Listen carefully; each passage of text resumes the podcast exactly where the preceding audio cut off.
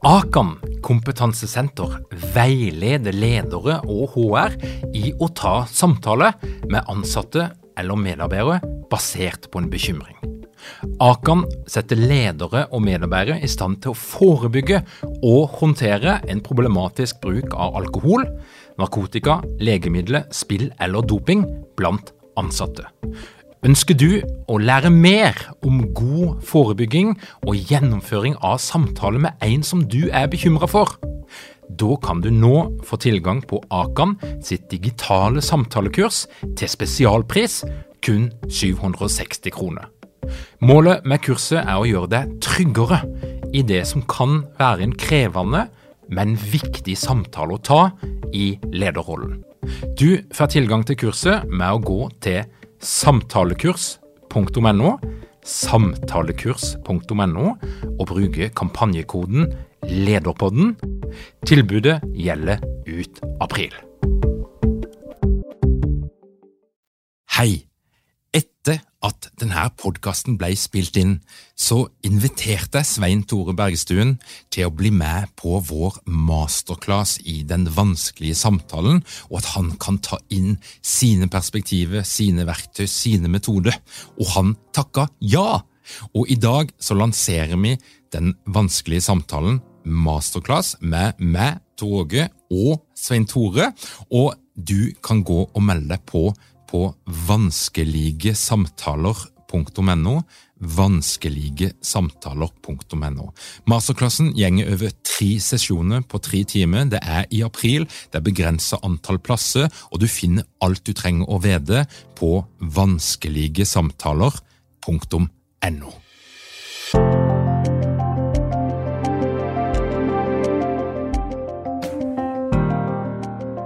Velkommen til Lederpodden.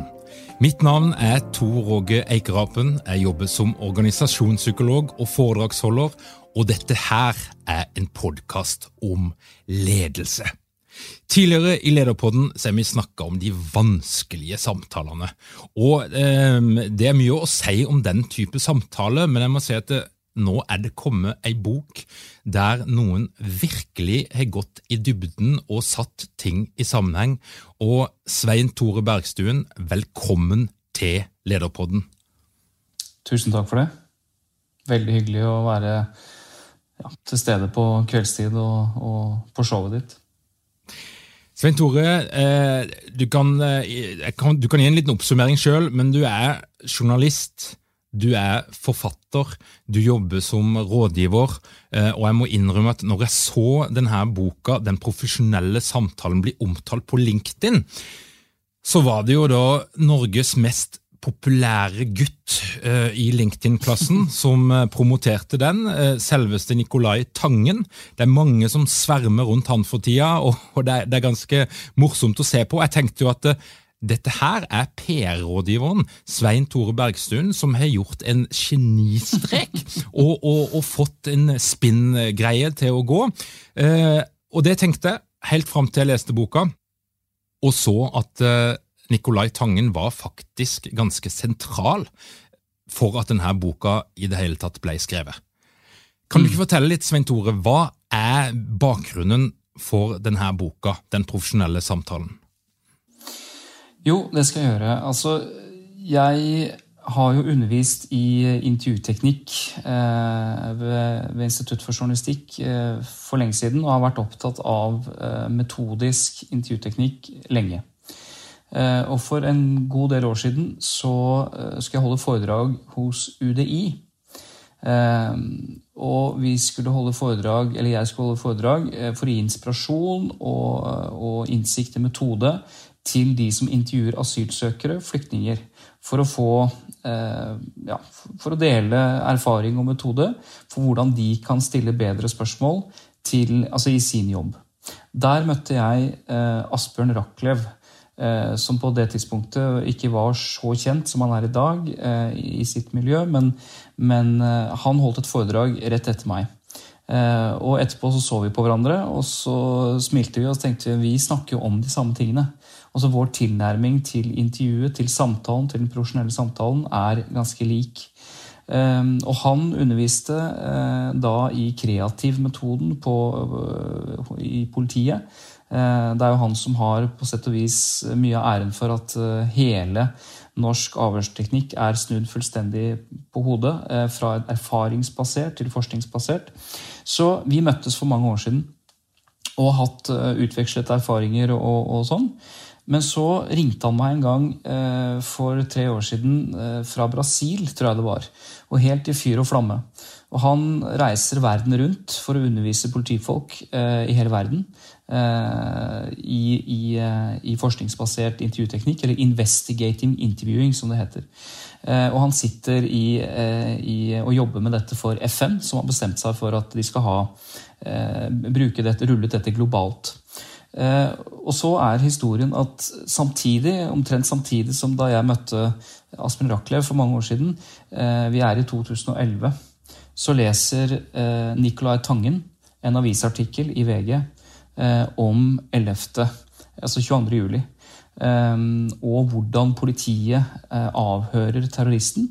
Og hvordan de avhører ofrene eller vitnene som var på Utøya. Og da biter han seg merke i følgende Geir Egil Løken, som da er eh, den som avhører, en av de som avhører Breivik, eh, forteller at de avhører terroristen og ofrene for hans handlinger etter nøyaktig samme metode. Eh, og den er forskningsbasert. Og Nicolai Tangen, som er over snittet interessert i forskning, i kunnskap, og blir bedre hele tiden, forstår at når forskjellen på de avhørene må jo være ekstremt stor, men når metodikken allikevel er lik, så må det være noe å lære her. Eh, det er ikke sånn at man avhører terrorister på én måte og ofre eh, for kriminelle handlinger på en annen måte. Dette syntes han var interessant, så han ringte eh, og fikk Geir Egil Løken ned for å holde foredrag for AKO Capital og de medarbeiderne der. Og dette ble en suksess. Eh, så Geir Egil Løken fortsatte å reise ned til London eh, jevnlig for å holde foredrag. Og på et av disse foredragene Dette var en lang innledning og en lang historie til ditt spørsmål, men det er sånn det er. Så sier han at eh, du må skrive bok om dette. for dette er en bok som jeg tror trengs i hele verden. og jeg vil, jeg vil ha den ut til mine kontakter og mine kunder osv. Og, så og så ringer Geir Egil til sin eh, læremester, skal vi si det sånn, eh, Asbjørn Rachlew, eh, som igjen ringer meg, og så er, er, prosjektet i gang. Fordi tanken er jo å gjøre dette relevant for dere som ledere, eller for barnevernspedagoger, eller for finansanalytikere, eller for dommere, eller for journalister, eller hva det måtte være. Og da tenkte Asbjørn at Svein Tore har skrevet en del bøker fra før av. Det har ikke vi. Og han er opptatt av intervjuteknikk, så, så der startet det. Og, og, og det er tre år siden. Og det å trene på kommunikasjon, trene på lytting, åpne spørsmål, det er jo noe som blir gjort i forskjellige varianter rundt forbi. Av og til så er det en metodikk, av og til så er det mer hjemmemekka metode. Men kan ikke du fortelle, Svein Tore, hva er det denne boka og metodikken som blir beskrevet, hva er nytt? Hva er det denne boka tilfører som ikke fins for før, av kunnskap, av metode? Mm. Ja, det er et godt spørsmål. Um, fordi uh, Og nå blir det meta, ikke sant? for nå analyserer jeg dine spørsmål samtidig som jeg skal svare. Neida, Men uh, det denne metodikken gjør, og denne boka gjør, uh, som er helt nytt, i hvert fall blant de som stiller mye spørsmål, er at det baserer eh, baserer metodikken på forskning. Altså på forskning fra alt fra eh, mellommenneskelige relasjoner til eh, forskning på kommunikasjon, forskning på vitnepsykologi, forskning på minnestimulering. forskning, altså Alt som, som denne metodikken baserer seg, baserer seg på forskning, i motsetning til slik det er i, var i politiet, slik det er i journalistikken, slik det er i veldig mange av de profesjonelle samtalene som foregår hver eneste dag, så baserer seg altså på forskning i motsetning til erfaring. Altså erfaringsbasert. altså alle, De aller fleste journalister stiller spørsmål med utgangspunkt i sin egen erfaring, eller hva de har fått av litt opplæring på Journalisthøgskolen, eller litt i redaksjonen, eller hva det måtte være.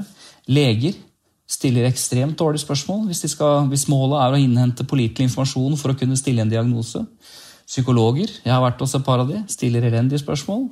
Eh, og veldig mange stiller gode spørsmål. Eh, nå tegner jeg det litt, ikke sant? setter litt på spissen. Poenget er jo at det er tilfeldig.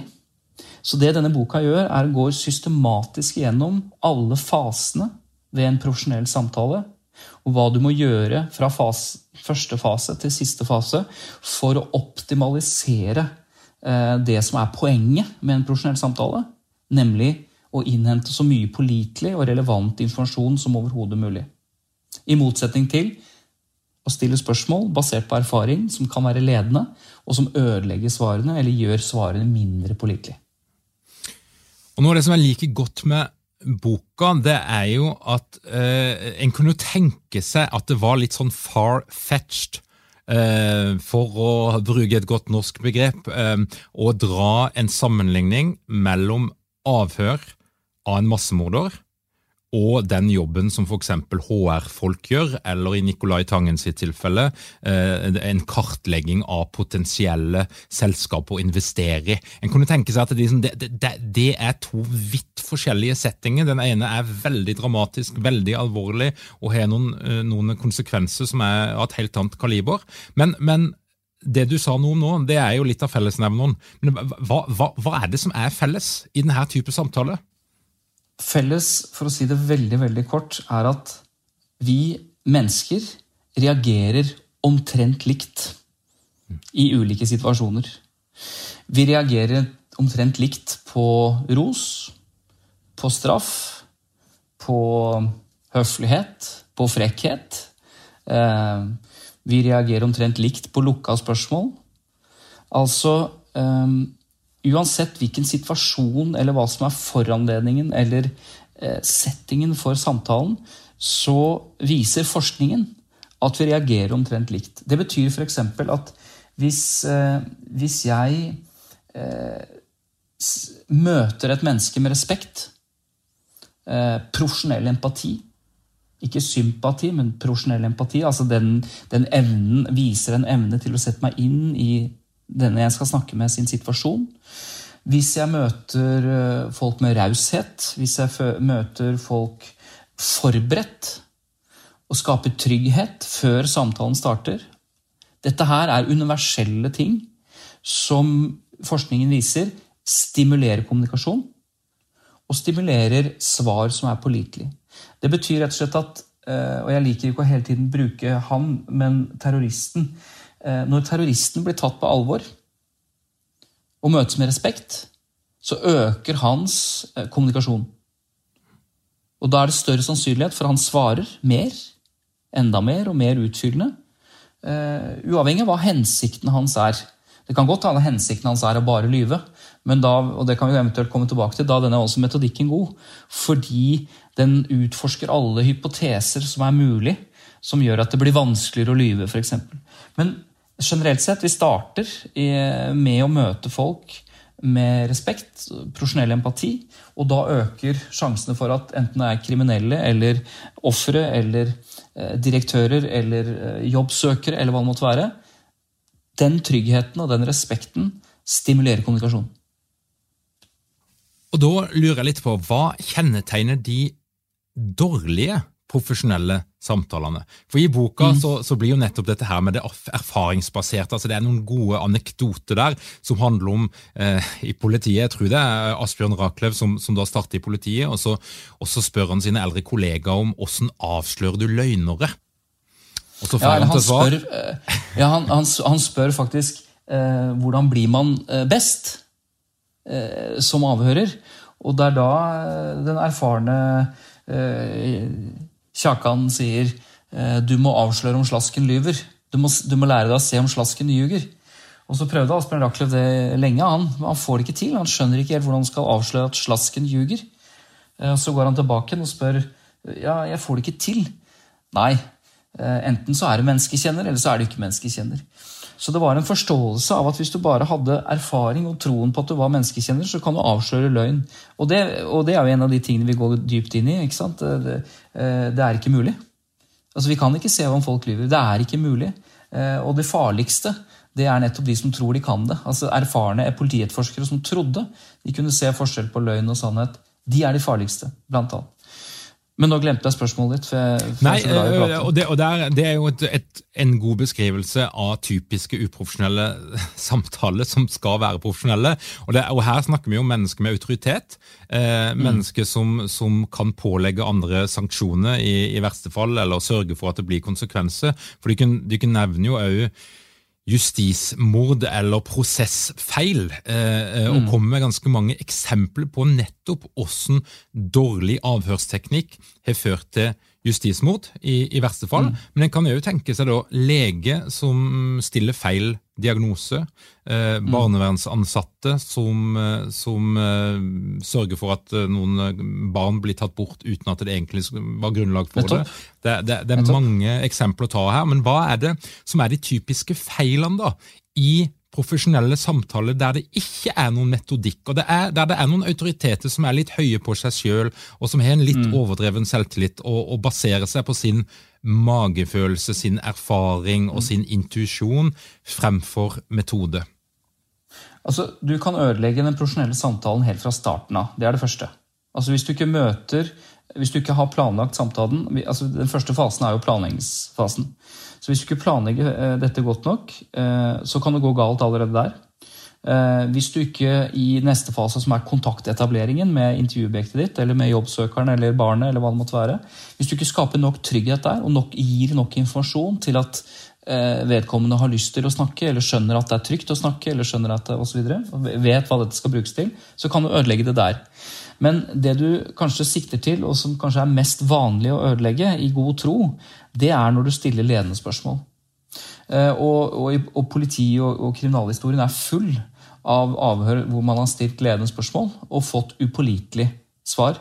Som igjen har dannet utgangspunktet for en liten justisfeil som har vokst seg større og større til at eh, den fester seg i, i straffeprosessen. Eh, og, og, så blir det justismord.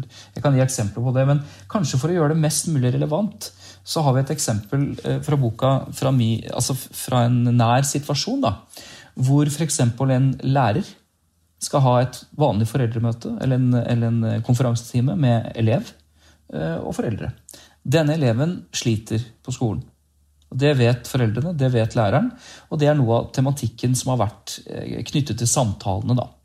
Og Så kommer de til denne timen, og så er det ingenting i veien med empatien til læreren skjønner at det er vanskelig. Men så har eh, læreren fått det for seg at det går mye bedre nå. Det er noe de har plukket opp, at de syns det går bedre. Så de går inn eh, i samtalen med, et, med en hypotese. Eh, og der kan alle som går inn i samtaler og intervjuer, kjenne seg igjen. Enten det er journalister eller ledere eller hva. Ha en hypotese. De tror at denne kandidaten er bra eller dårlig, eller hva det måtte være. Så sier læreren jeg skjønner at du har slitt litt med å finne deg til rette på skolen. Men vi har inntrykk av at det går bedre nå, gjør det ikke det? Så sier eleven, som kanskje er tolv år, da, eller ti år, eh, får det spørsmålet. Det går bedre nå, gjør det ikke det? Jo, jo, det går bedre nå. Ja, fint. Det er også vårt inntrykk. Det er kjempebra at det går bedre nå, og da trenger vi kanskje ikke å bruke så mye mer tid på det hvis du syns at det går bedre. Nei, nei, jeg trenger ikke det. Det går bedre. Faktum var at det gikk dårligere. Altså helt motsatt. Men eleven fikk aldri anledning til å si det. Ville ikke bry læreren med det. Så er, Dette er helt klassisk og helt vanlig. Det skjer hver eneste dag. Og du får et svært upålitelig svar.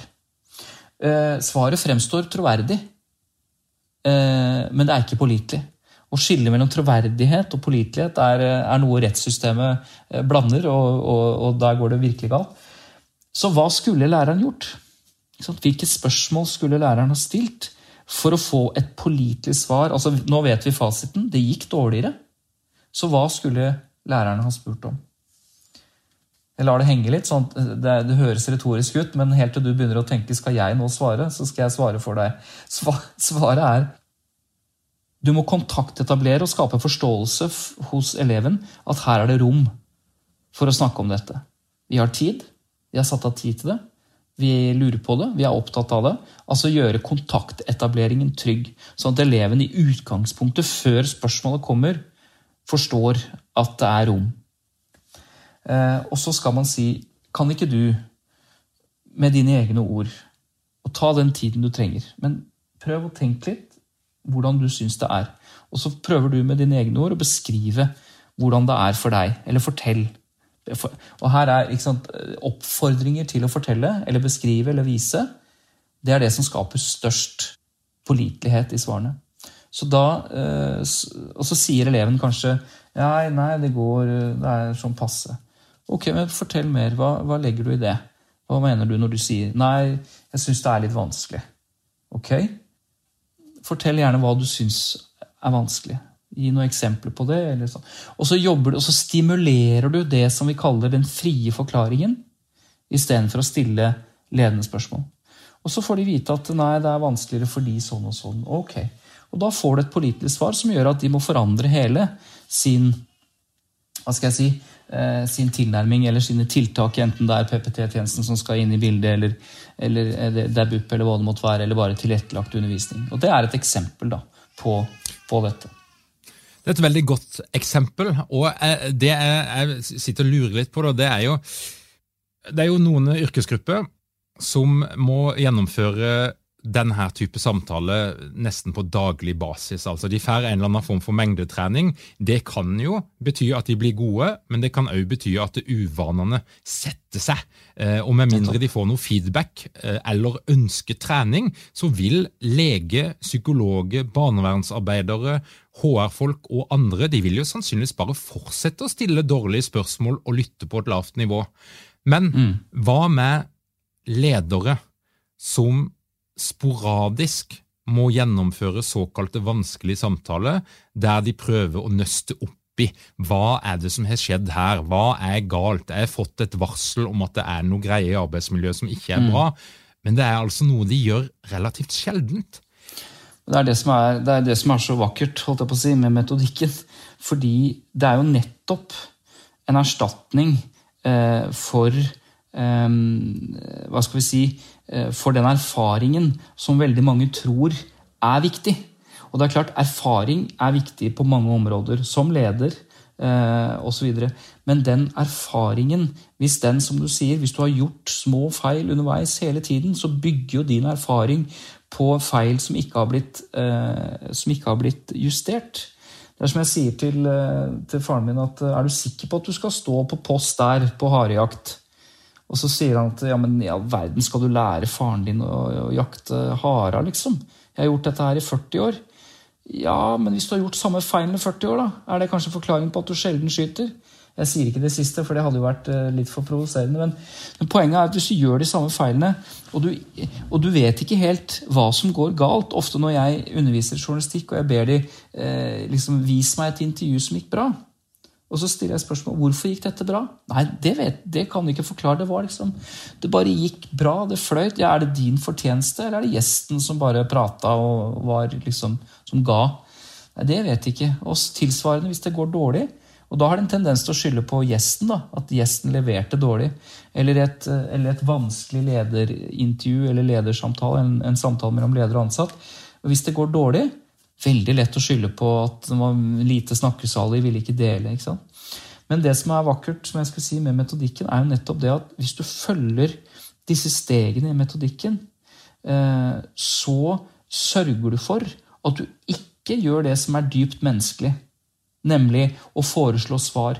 Det er det som er forskjellen på den sosiale samtalen og den profesjonelle samtalen. Det er jo at i den sosiale så hjelper vi hverandre hele tiden. Det er helt naturlig hvis vi ser at du sliter. Ja, er det, ja, er det, er det kanskje litt vanskelig nå som kona er på reise? ikke sant? Å være aleine med barna?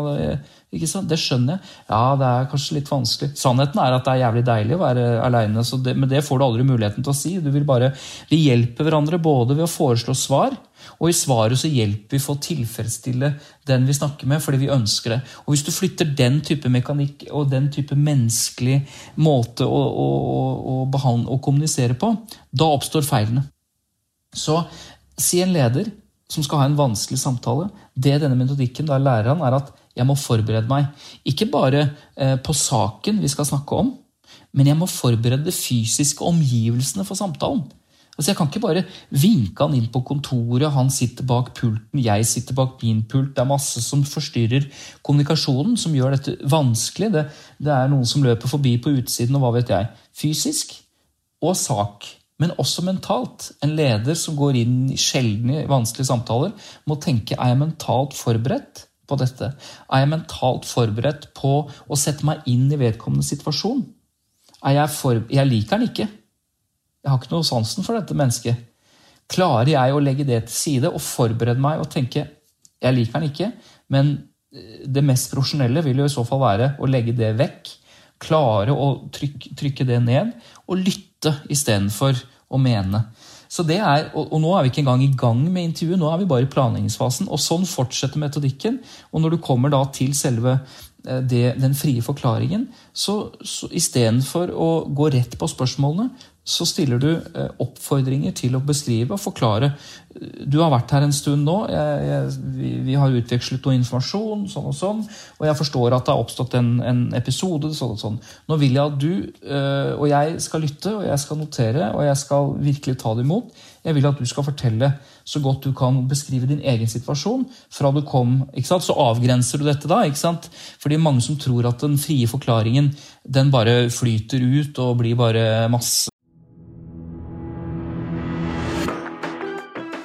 Dere mange ledere uten trening eller utdannelse innen ledelse? Mangler dere en felles kultur og praksis for ledelse? Ønsker dere å være bedre rustet for fremtidig vekst og endring? Da kan et internt lederutviklingsprogram være en god investering. I Execu er vi eksperter på å designe og gjennomføre bedriftsinterne lederutviklingsprogram. Hvis du ønsker å lære mer om hvordan vi kan hjelpe dykken til å få enda bedre ledere, ta og klikk deg inn på execu.no.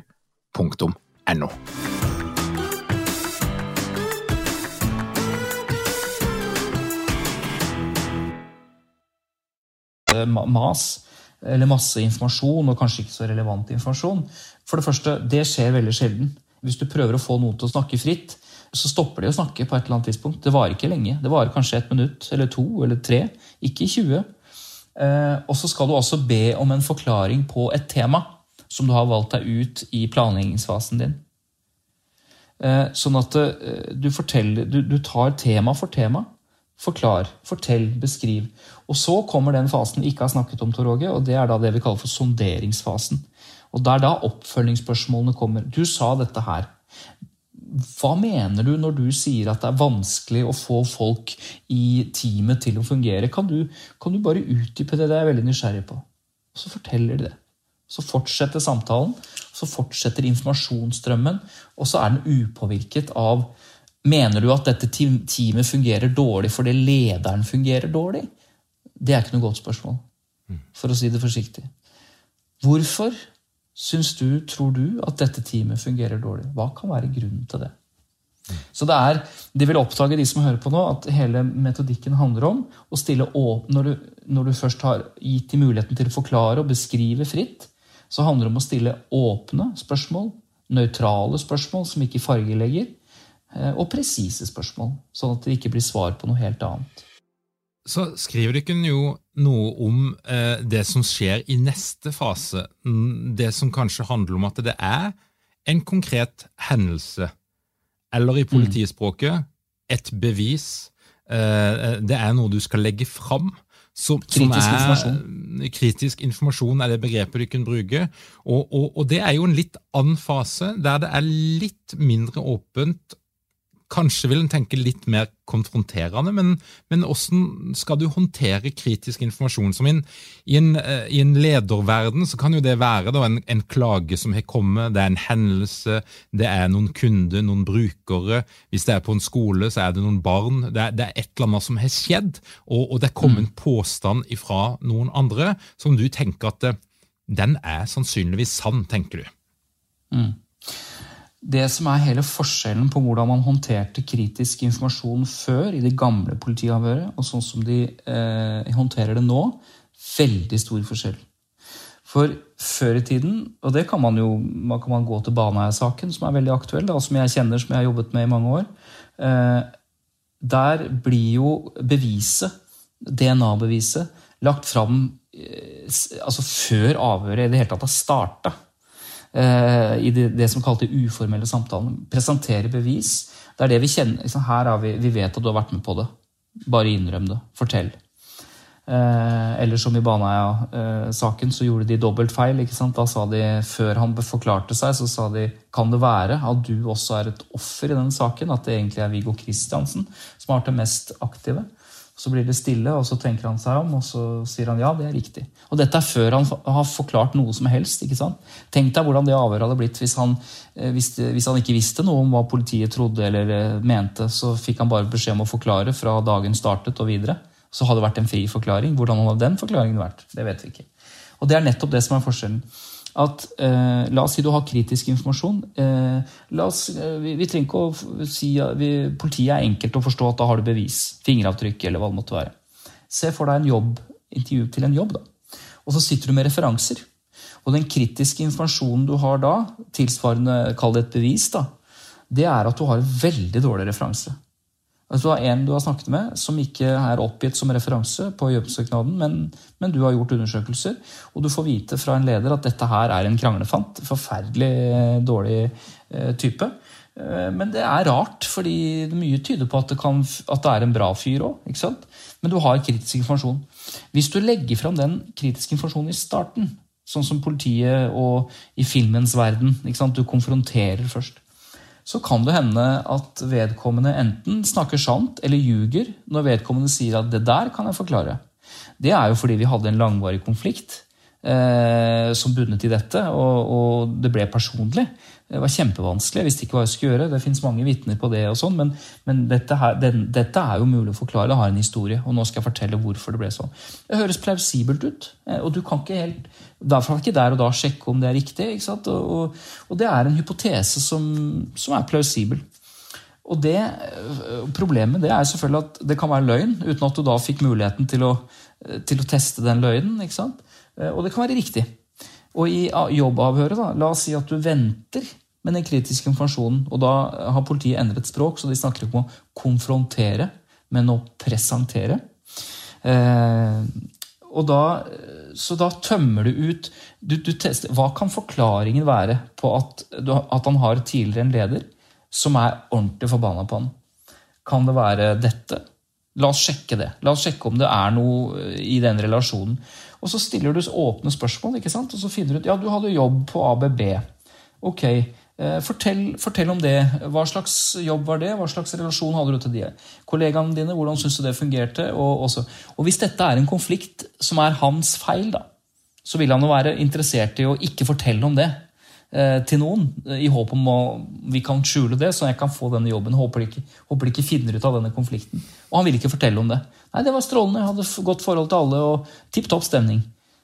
Da, etter å ha tømt ut det var, Ok, så det var, var, dette er ikke en god forklaring.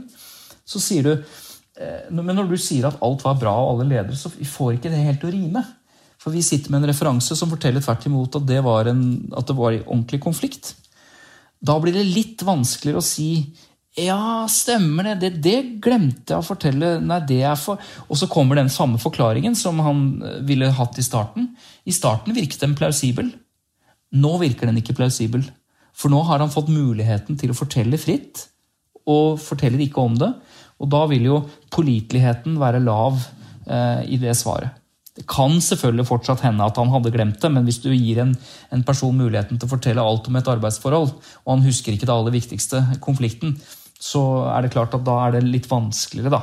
Og da har, en, da har du en bedre vurderingsgrunnlag når du har funnet ut det. Det er bare ett eksempel på hvordan du kan presentere kritisk informasjon på et mye mer taktisk riktig tidspunkt seinere.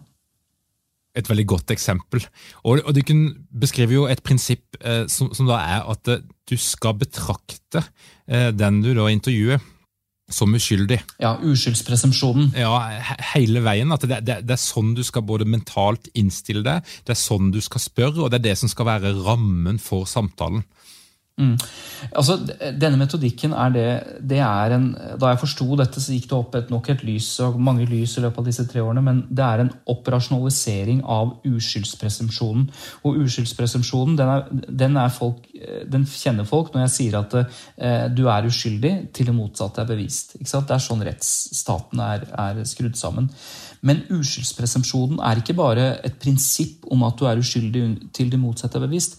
I politiet altså uskylds, og, i rettsapparatet er uskyldspresumpsjonen, som du sier, en metode. En tilnærming. Altså Det betyr at siden det er sånn at du er uskyldig til motsatte bevis, så skal du også oppføre deg overfor den eh, du snakker med, som om det er sant. Det betyr at eh, selv om det er mye som kan tyde på skyld, så skal du tømme ut alle de alternative hypotesene som taler for uskyld. Og når du har gjort det, og ikke, og, og, og liksom den hypotesen om uskyld den stemte dessverre ikke, ikke den og ikke den, da sitter du igjen med de gjenværende hypotesene som da dessverre for vedkommende taler for skyld. Eller nettopp i den oppstillingen av hypoteser som du tester for uskyld, så treffer du med den ene. Det er riktig, det. Et, en kjempeinteressant eh, en, en, episode som skjedde med en eh, vanlig innbruddstyv, narkoman, vinningskriminell. Eh, de har fingeravtrykkene hans fra et rute som er knust på vinneren, eller hvor det var. Og de kunne gjort som i gamle dager og bare konfrontert ham med det, og de vet at han er vinningskriminell, vi har fingeravtrykkene osv. Så, videre. så kunne han finne på Nei, vent nå litt, hvor var det du sa det var hen? Der. der. har jeg vært på fest da, i gamle dager. Eh, de vaska ikke vinduene, for å si det sånn, så det fingeravtrykket kan godt være fra den gangen. Og da, det, det, kan de ikke vite. Det kan legges fram i rettssalen. Det høres plausibelt ut. Men hvis du har testet det før Du spør eh, ikke sant, hvordan kjenner du til dette området. Aldri vært der. Ikke sant? For han skal komme seg unna. Og når du har tømt ut og Det var synd at du aldri hadde vært der, for det var jo en hypotese jeg hadde om at du kanskje kunne være skyldig, tenker da den gode etterforskeren. Og så går du videre. Den hypotesen man glemte å teste ut i dette konkrete tilfellet, det var um, hypotesen Kan det være noen annen grunn? Nå har du tømt ut alle muligheter. Du har ikke vært på fest der, du har ikke titta inn av vinduet, du har ikke vaska vinduet, du har ikke gjort noen ting. Ok, Hva kan den siste forklaringen være? Det, det, det, er noen ganger man ikke klarer å komme på hypotesene fordi de er for utrolige. Og Det viste seg at han hadde vært, jobbet på en fabrikk etter han hadde kommet ut fra fengsel forrige gang, som lagde vinduer. Så han hadde altså lagd det vinduet som de hadde puttet inn på denne villaen på vinneren. Eh, men alle regnet med at han var skyldig. Han var en narkoman, han var vinningskriminell, han hadde, han hadde jo begått innbrudd. Men ikke dette. Her var fingeravtrykket til stede fordi han hadde lagd vindu. Og Det sier noe om at man skal være ganske god eh, for å operasjonalisere uskyldspresumpsjonen om man tømmer ut mulige alternative scenarioer. Det er fascinerende å høre på. Det er nydelige eksempler, Svein Tore. Og det er jo, jeg lurer litt på hva, hva er hindringa? For det, det, Hvis jeg leser boka riktig, så er det egentlig en antagelse eller en liten dom eh, over veldig mange yrkesgrupper som gjennomfører samtaler på en usystematisk, tilfeldig måte. Og du har jo helt rett. Eh, eh, på psykologistudiet, for eksempel, lærte svært lite om lytt gjetting, svært lite om åpne spørsmål. For min del så var det noe som jeg eh, tilfeldig havna borti etterpå. Og sånn tror jeg det er på mm. veldig mange profesjonsutdannelser. At det, eh, det, blir liksom tatt litt for gitt at de her tingene skjønner du, men du blir ikke trent. Og du får heller eh, lite tilbakemeldinger på det. Men jeg tenker at det, mm. en ting er å lære seg teknikken. Det, jo, det fordrer jo at du vil lære. Eh, og Da er det kanskje lettere å gjøre det i utdannelse og, og, på et tidlig tidspunkt enn å gjøre det når folk er blitt såkalt erfarne. Men mm. et mer sånt psykologisk hinder, tenker jeg, det er jo litt stolthet. Og vårt mm. behov for anerkjennelse og vårt behov for å ha autoritet i, i gitte situasjoner. For det som Dykken skriver om, det er jo at eh, skal du gjennomføre de her samtalene på en god måte og følge metodikken, så må du gi fra deg autoritet. Du må på en måte heve den andre litt opp på en, på en ektefølt, autentisk måte, og, og, med en god intensjon. Og Det betyr rett og slett at uh, den statusen som du vanligvis kanskje har, den må du legge litt ifra deg. Du må, du må kanskje tåle å ikke være den kuleste i rommet eller den som vet mest. og det er jo en god del av oss som sliter litt med akkurat det. Mm. Ja, det, du har så rett. Uh, men hvis vi tenker oss litt om da, og tenker at hva er hensikten med denne samtalen, og dette har jeg diskutert med alt fra eh, Fredrik Skavlan, som jeg har diskutert mye intervjuteknikk med, til, til leger. Altså Leger er kanskje noe av det, det verste. Men, eh, og greiene er at hvis hensikten er for Fredrik Skavlan å også være stjerne i sitt eget show og, ikke, og, hensikten er ikke bare å, å, få gode svar fra gjestene. Så sier jeg fine, kjør på, fortell vitser, still ledende spørsmål med en twist som skaper latter. Du er stjerne. Men hvis hensikten er å, å få mer fra gjesten, hint, hint, det er vel det som strengt talt burde være det viktigste, så kan du ikke stille ledende spørsmål. Fordi, eh, og det samme gjelder eh, hvis du forstår som psykolog eller som lege at svarene blir bedre og mer pålitelig hvis jeg gir fra meg kontrollen. Og bare for å forklare det, for det er ikke helt intuitivt altså Alle profesjonelle samtaler har en ubalanse i maktforholdet. Ikke sant? Alle de som stiller spørsmål, de profesjonelle, har stort sett alltid større makt. Det er en, det er en, ja, det er en, en maktubalanse i samtalen. Hvordan skal du klare og, når forskningen viser at kommunikasjon stimuleres best og svarene blir mest pålitelige når den maktbalansen er utjevnet. Det sier seg jo på en måte selv at det er lettere å, gi, eh, å være ærlig for eksempel, og, og være åpen hvis det, en, hvis det, ikke er en ubalanse i maktforholdet. Så hva kan du da gjøre for å gi fra deg den makten du sitter med? Jo, det gjør du veldig mye i kontaktetableringen.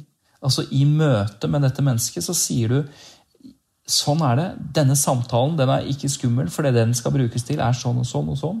Og du forklarer og forteller. Så den beste måten å gi fra seg kontrollen på, er å gi fra seg informasjon om samtalen. Hvordan den skal foregå, hva som er mulig, hva som skal skje etterpå, osv. Og, så og da senkes på en måte da, da, går det mer i balanse, og da blir kommunikasjonen eh, bedre. Men det, det er som du sier, jeg har jo sett mange erfarne journalister som gjør det motsatte.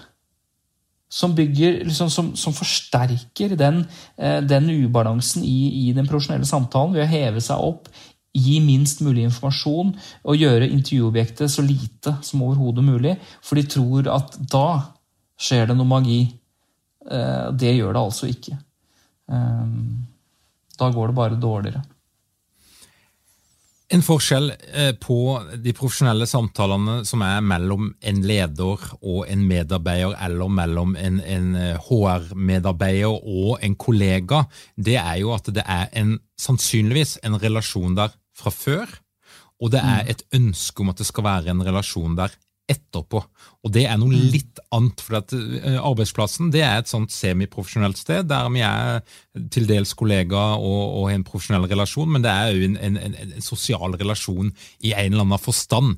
Har du noen mm. sånne refleksjoner rundt det? Altså, eh, hva, hva I hvilken mm. grad uh, legger denne teknikken til rette for at du kan gjøre nettopp det som en ofte snakker om, at det, det, som er en vanskelig samtale, det er jo en samtale ja. der du ønsker å få noen til å endre seg, samtidig mm. som du ønsker å opprettholde relasjonen. Ja, du må være, eh, og nå må jeg bare ta på meg hatten som, eh, og forsøke å sette meg inn i dette. Jeg har også vært leder i, i flere år for altfor mange ansatte, i hvert fall i forhold til det jeg håndterte.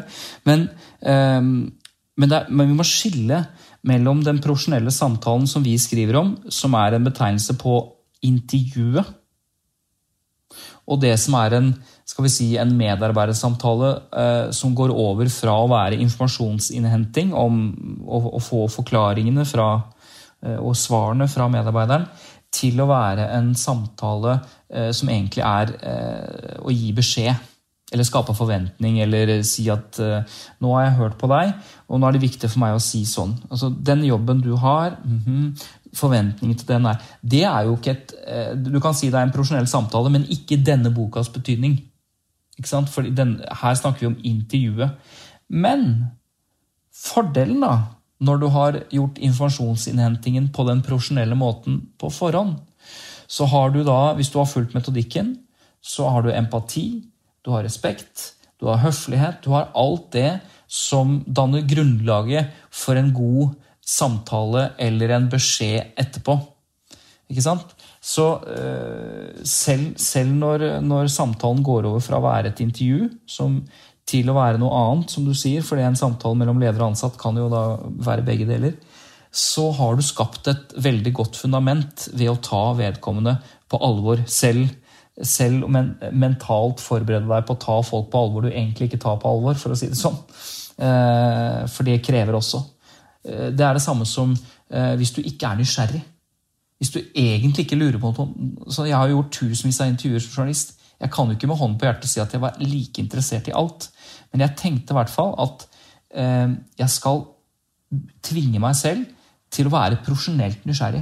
Altså Jeg må være så nysgjerrig sånn at vedkommende forstår at jeg spør fordi jeg faktisk lurer. Og det krever ganske mye mentalt. Og Det er det samme overfor eh, dårlig skal vi kalle det, Nå har vi snakket mye om de vanskelige tingene, men, men det er klart at det er vanskelig å, eh, å, være nysgjerrig på folk du egentlig ikke vil ha noe med å gjøre.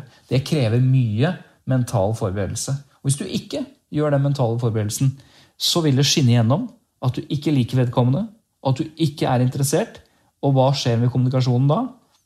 Det er kommunikasjonsbrudd med en gang. Du får ikke noe informasjon, du får ikke noe god samtale.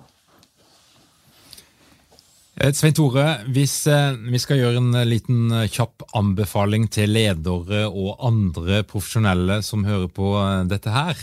En ting er at de selvfølgelig må lese boka, det vil iallfall jeg anbefale. Men hvis du skal gi liksom en liten ting som det er mulig å trene på eller sjekke ut neste gang du er i mm. noe som ligner på en profesjonell samtale, som f.eks. et jobbintervju. Eh, hva er det ledere må være seg bevisst hvis de skal bare ta tak i én liten ting, mm. og gå ifra det usystematiske, det såkalt erfaringsbaserte, og inn i noe mer metodisk og forskningsbasert? Mm. Jeg tror da det er vanskelig å gi ett konkret råd, men jeg skal gi ett konkret råd. Eh, og det er å trene på det vi i boka Og du har nevnt begrepet flere ganger. Det er det vi i boka kaller aktiv lytting. Det, tre, det er en ferdighet. Eh, det betyr at du kan ikke si til en førstedivisjonsspiller at, at i morgen så skal du spille som eh, Haaland. Ja, men det må jeg trene på. Nei, nei. I morgen skal du spille som Haaland. Det er vanskelig. Eller det er umulig, da. Og det er litt sånn hvis du ikke eh, Og der, eh, selv om du har en metodikk du kan følge, så er faktisk aktiv lytting det er en, det er en ferdighet som du må trene på. Og eh, det er jo selvfølgelig det det høres ut som. Det er å høre etter og trene seg på å lytte. Men det er samtidig Det handler ikke bare det. Du skal lytte både med øret, med hjernen. Du må frigjøre kognitiv kapasitet til å kunne lytte aktivt. Du må lytte med hele kroppen. Det betyr at kroppsspråket ditt må være lyttende. Du må ikke holde på med alle andre ting.